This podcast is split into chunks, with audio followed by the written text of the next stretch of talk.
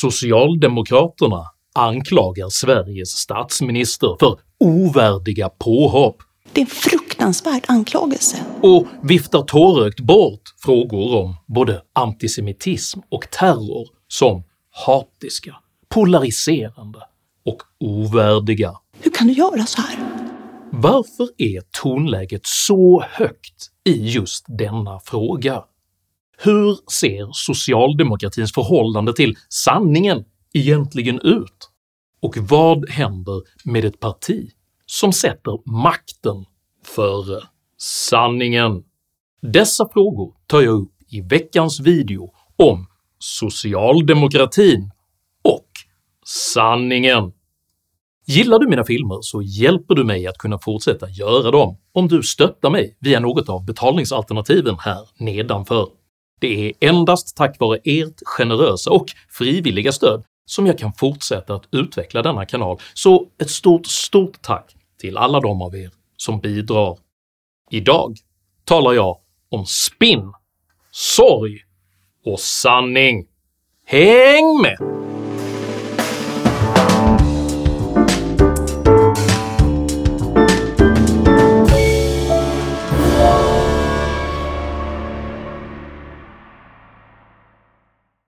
John Carpenters science fiction-rysare “The Thing” från 1982 skildrar en grupp människor som konfronteras med en främmande livsform som har förmågan att ta över andra varelser genom assimilation. På liknande sätt har den moderna socialdemokratin utvecklats från en ideologidriven rörelse till en organisation som är helt inriktad på upprätthållandet av makt, och där i princip vilka politiska idéer som helst kan assimileras eller stötas bort så länge det gagnar partiets makt. Detta är anledningen till att socialdemokratin under decennier har ignorerat besvärande åsiktsströmningar inom grupper man allierat sig med för att vinna röster. I takt med att spänningarna i det svenska samhället ökar synliggörs nu dessa gruppers åsikter i form av en öppen konflikt med det toleranta demokratiska samhället. Denna situation är mycket besvärande för socialdemokratin eftersom man å ena sidan måste försvara tolerans och demokrati, men samtidigt inte heller vill antagonisera de stora väljargrupper som nu anser sig ha rätt att uttrycka intolerans och våldsförhärligande budskap.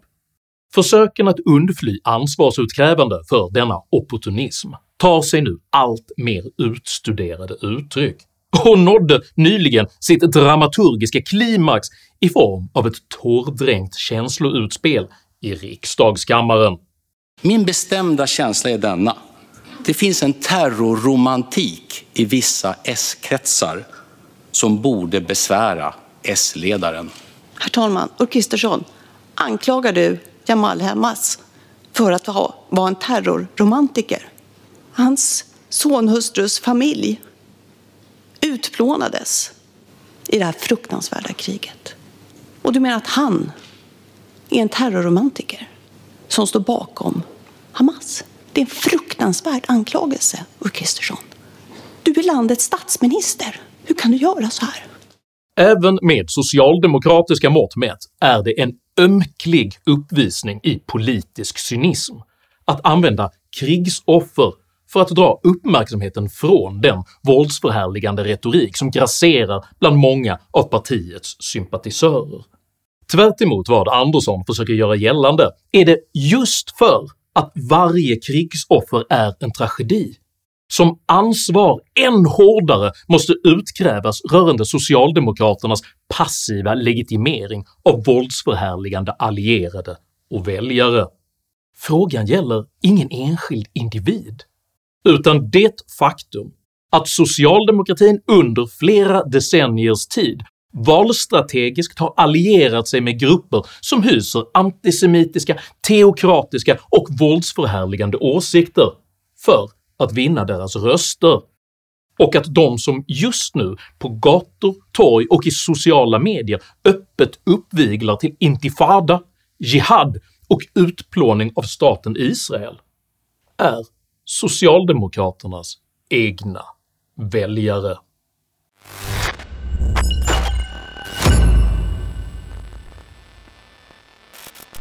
Socialdemokratins förhållande till riksdagsmannen Jamal El-Haj är talande, inte på grund av denna enskilda individs agerande, utan för att partiets hantering av frågan avslöjar att man sätter sina maktintressen före en transparent markering mot samröre med ideologiskt tveksamma organisationer. Jamal El-Haj är nämligen Malmös mest kryssade politiker och är mycket betydelsefull för socialdemokraternas väljarstöd bland muslimer i södra Sverige.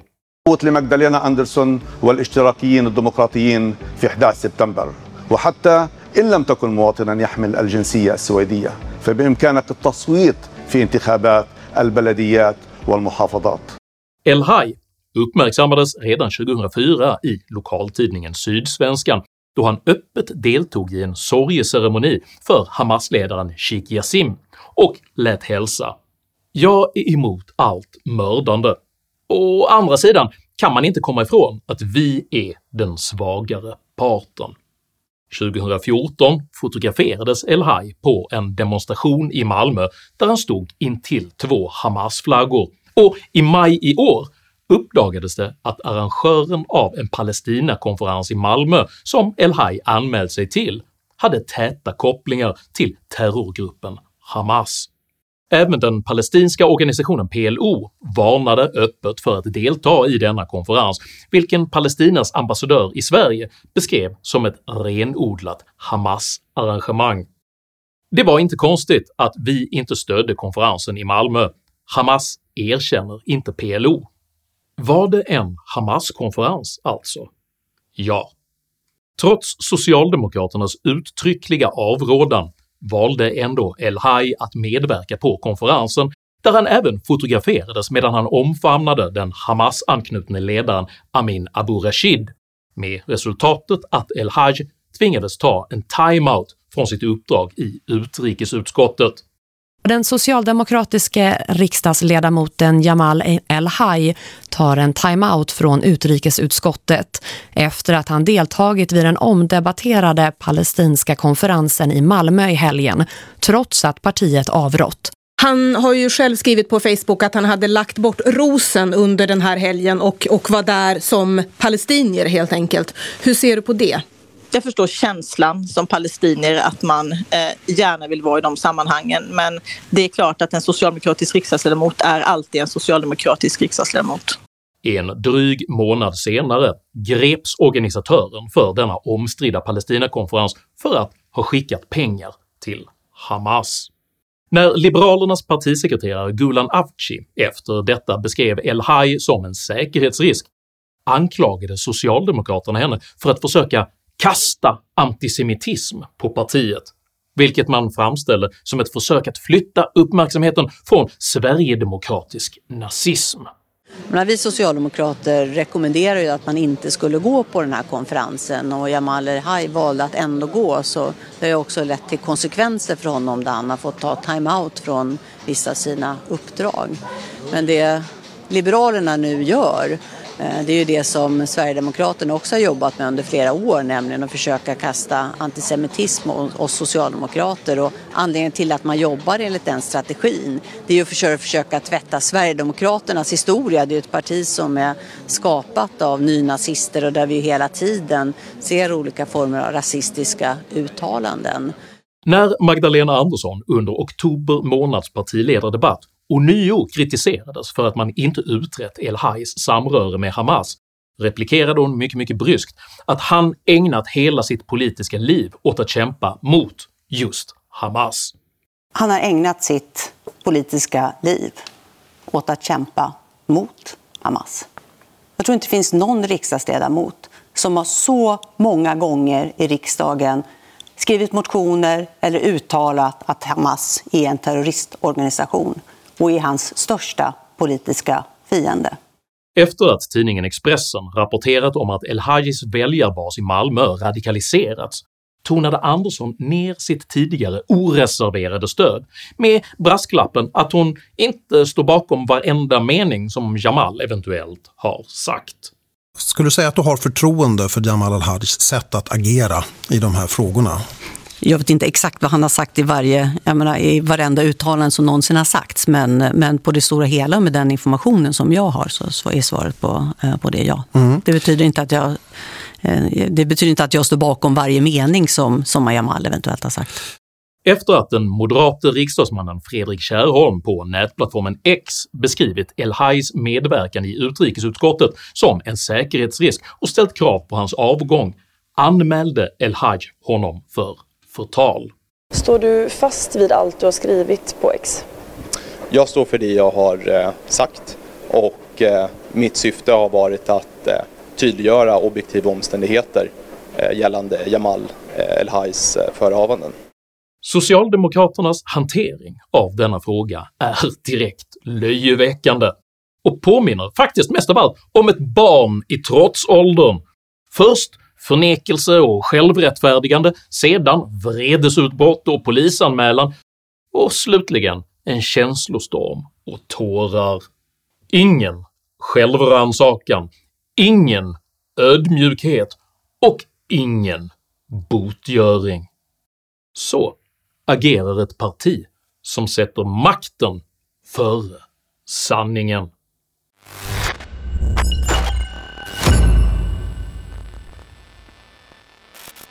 På liknande sätt slog socialdemokraterna vilt omkring sig efter att jag i min förra video hade fräckheten att översätta de flagrant antisemitiska texter som deras kära systerparti Fatah publicerat på sin hemsida. Min frågeställning var alltså aldrig huruvida socialdemokraterna skulle vara ett antisemitiskt parti, utan ifrågasatte bara om ett parti som Fatah verkligen är lämpligt att ha som systerparti som dessutom tillåts dela ut militärordnar till stolta svenska ministrar. Den socialdemokratiska reaktionen på detta är talande. Både Magdalena Anderssons pressekreterare Miriam Kontio och socialdemokraternas pressekreterare i riksdagen Ebba Kock valde att anklaga mig för polarisering respektive hat. De båda pressekreterarna förfasades även unisont över estetiken i att statsminister Ulf Kristersson lät mig bjuda honom på ett glas bubbel när han var gäst i mitt intervjuprogram 100%. En estetik som de däremot inte har några som helst problem med är det faktum att deras kära systerpartis logotyp består av två korslagda kulsprutor och en handgranat, och att Palestinas Fatah-anslutna Sverige-ambassadör vägrar beskriva Hamas-anslutna palestinier som terrorister. När jag efter detta gavs möjlighet att i Sveriges Radio Studio 1 debattera just vänsterns förhållande till antisemitismen påstod min socialdemokratiske motdebattör Daniel Suhonen att han inte kände till någon antisemitism alls och återgick istället till den nernötta talepunkten att Sverigedemokraterna skulle vara det verkliga problemet. Det jag försöker peka på här är att tystnaden är symptomatisk för socialdemokratins komplexa förhållande till en betydande väljarbas som de facto i sociala medier och på gator och torg ger uttryck för flagrant antisemitism. Jag måste säga att detta är ganska häpnadsväckande. Jag uppfattar inga påståenden om, alltså antisemitiska påståenden. I den miljö där jag rör mig är detta, alltså slaget för mänskliga rättigheter för alla människors lika värde, det är kärnan för mig och för de flesta vänstermänniskor att vara vänster. Här har man en, en regering, en högersida, som på det här sättet försöker liksom tvätta sin liksom sitt samarbete med SD. Det här är oerhört lämpligt för de konservativa krafterna att tvätta bort helt enkelt sin egen antisemitiska rot, nämligen SD. Nej, Daniel Suhonen får Förlåt Henrik Jönsson. Daniel Suhonen får sista ordet. Du fick första ordet, Henrik Jönsson. Tack till bägge två. Jag vill än en gång inskärpa kritiken av socialdemokratin handlar vare sig om enskilda fall, individer eller händelser, utan om att partiet strategiskt och målmedvetet under flera decennier har allierat sig med grupper som hyser tveksamma åsikter för att vinna deras röster. När sedan verklig antisemitism, verklig våldsuppviglan och verkligt Israelhat plötsligt flödar i både sociala medier och på gator och torg, då vänder man bort blicken och menar att det faktum att jag bjöd statsministern på ett glas bubbel är det verkliga hotet mot Sveriges demokrati. Ingen självrannsakan, ingen ödmjukhet och ingen botgöring. Så agerar ett parti som sätter makten före sanningen.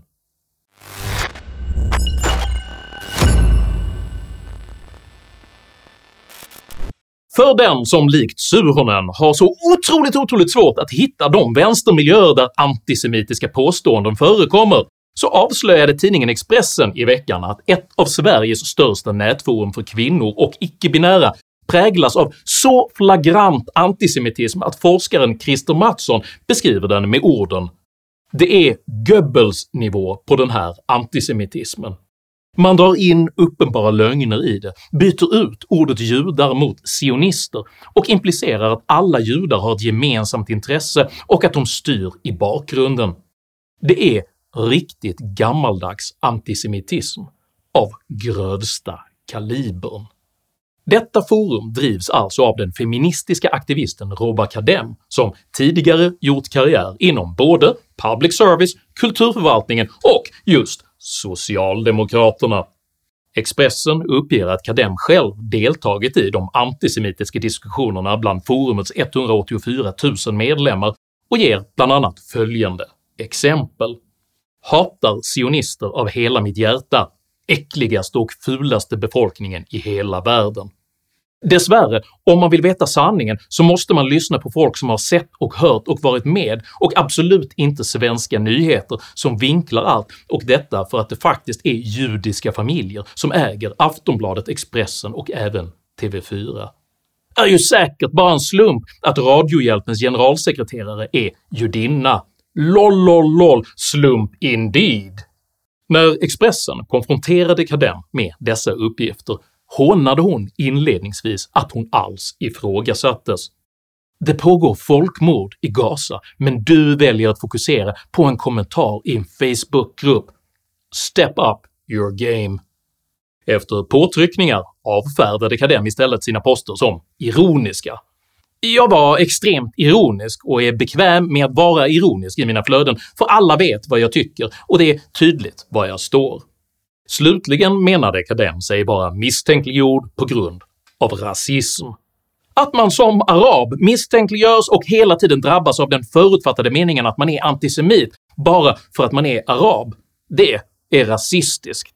Men Kadem ifrågasätts inte på grund av sin etnicitet, utan för att hon uttrycker sig konspiratoriskt mot judar och för att hon deltar i diskussioner präglade av antisemitism.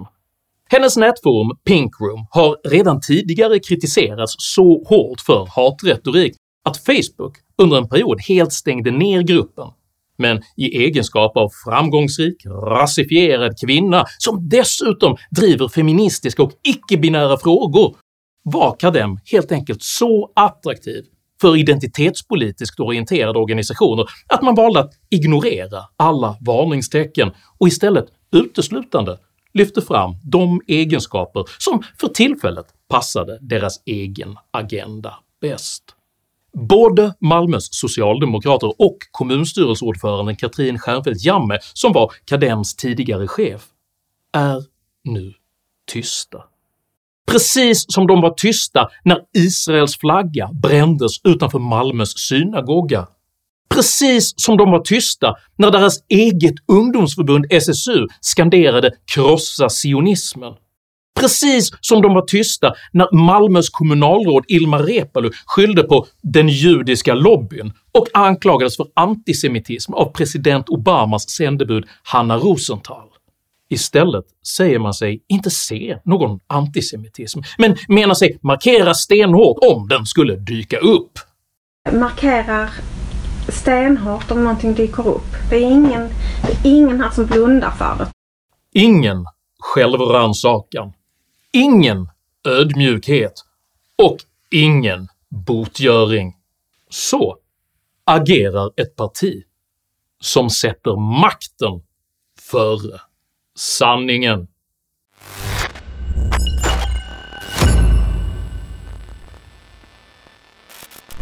Denna video försöker varken framställa socialdemokratin som antisemitiskt eller klistra antisemitism på det socialdemokratiska partiet. Det behövs inte, för socialdemokratin vältrar sig nämligen helt självmant i antisemitisk gyttja när man konsekvent avstår från att på riktigt markera mot den antisemitism som många av deras väljare och allierade nu helt öppet uttrycker. Problemet är inte El-Haj, problemet är inte Rob Kadem eller ens SSU utan plenisalens gråterskor, kansliernas presshejdukar och kommunstyrelserummens gravkammarliknande tystnad, vilka alla har en enda målsättning. Att dölja det faktum att socialdemokratin under decennier haft som strategi att alliera sig med demokratiskt tvivelaktiga rörelser för att behålla makten. Det demokratiska problemet med en partiorganisation som gjort upprätthållande av makt till sin överordnade prioritet är att den blir demokratiskt obegriplig för väljarna. Över en natt kan nämligen ett sådant parti gå från att hylla öppna gränser till att skryta om att man alltid förordat en restriktiv migrationspolitik. Mitt Europa bygger inte murar! Det är viktigt att vi håller fast vid den strama migrationspolitik som infördes under Socialdemokraternas ledning. Eller gå från ett resolut kärnkraftsmotstånd till att mena att man alltid har krävt mer kärnkraft. Men inte vid ny kärnkraft. Den är för dyr. Ändå lyckades de högerkonservativa partierna sätta en felaktig bild att vi socialdemokrater är emot kärnkraften eller att gå från ett grundmurat NATO-motstånd till krav på omedelbar NATO-anslutning. De andra vet mycket väl var vi står och det blir inga ansökningar om något medlemskap så länge vi har en socialdemokratisk regering. Du och ditt parti har alltså gjort en helomvändning eh, när det kommer till NATO. Eh, hur har process, processen varit? Nu får det vara klart med det här. Eller att gå från att se högerextrem antisemitism i precis varenda buske till att påstå sig inte kunna se någon antisemitism alls, ens när den sjunger allsång på Sergels torg. Exakt denna opportunistiska assimilationsförmåga gjorde även den främmande livsformen “the thing” så bedräglig och skrämmande, för den du trodde var din vän kunde plötsligt ändra skepnad och visa sig vara din fiende. Denna amorfa fiende kunde besegras först efter att folket lärde sig hur man identifierar den, genom att den ständigt undflyr plågsamma påtryckningar i sin strävan efter dominans. På exakt detta sätt måste även Sveriges nu helt formlösa socialdemokrati konfronteras med plågsamma påtryckningar oavsett om den tar sig formen av tårdränkta gråterskor eller kallhamrade politiska torpeder, för alla dessa former uttrycker en och samma sak. Ett parti som sätter makten före sanningen. Om du uppskattade innehållet i denna video så hjälper det mycket om du delar den med dina vänner och kanske till och med stöttar mitt arbete via något av betalningsalternativen här nedanför. Dela även gärna med dig av dina egna åsikter och erfarenheter i kommentarsfältet här nedanför, men jag ber dig att alltid vara artig. Jag accepterar inte aggression, personpåhopp eller rasism i mina idédrivna kommentarsfält, så tack för att du som kommenterar respekterar detta. Jag heter Henrik Jönsson och jag anser sanningen vara viktigare än makten. Tack för mig och tack för att du har lyssnat.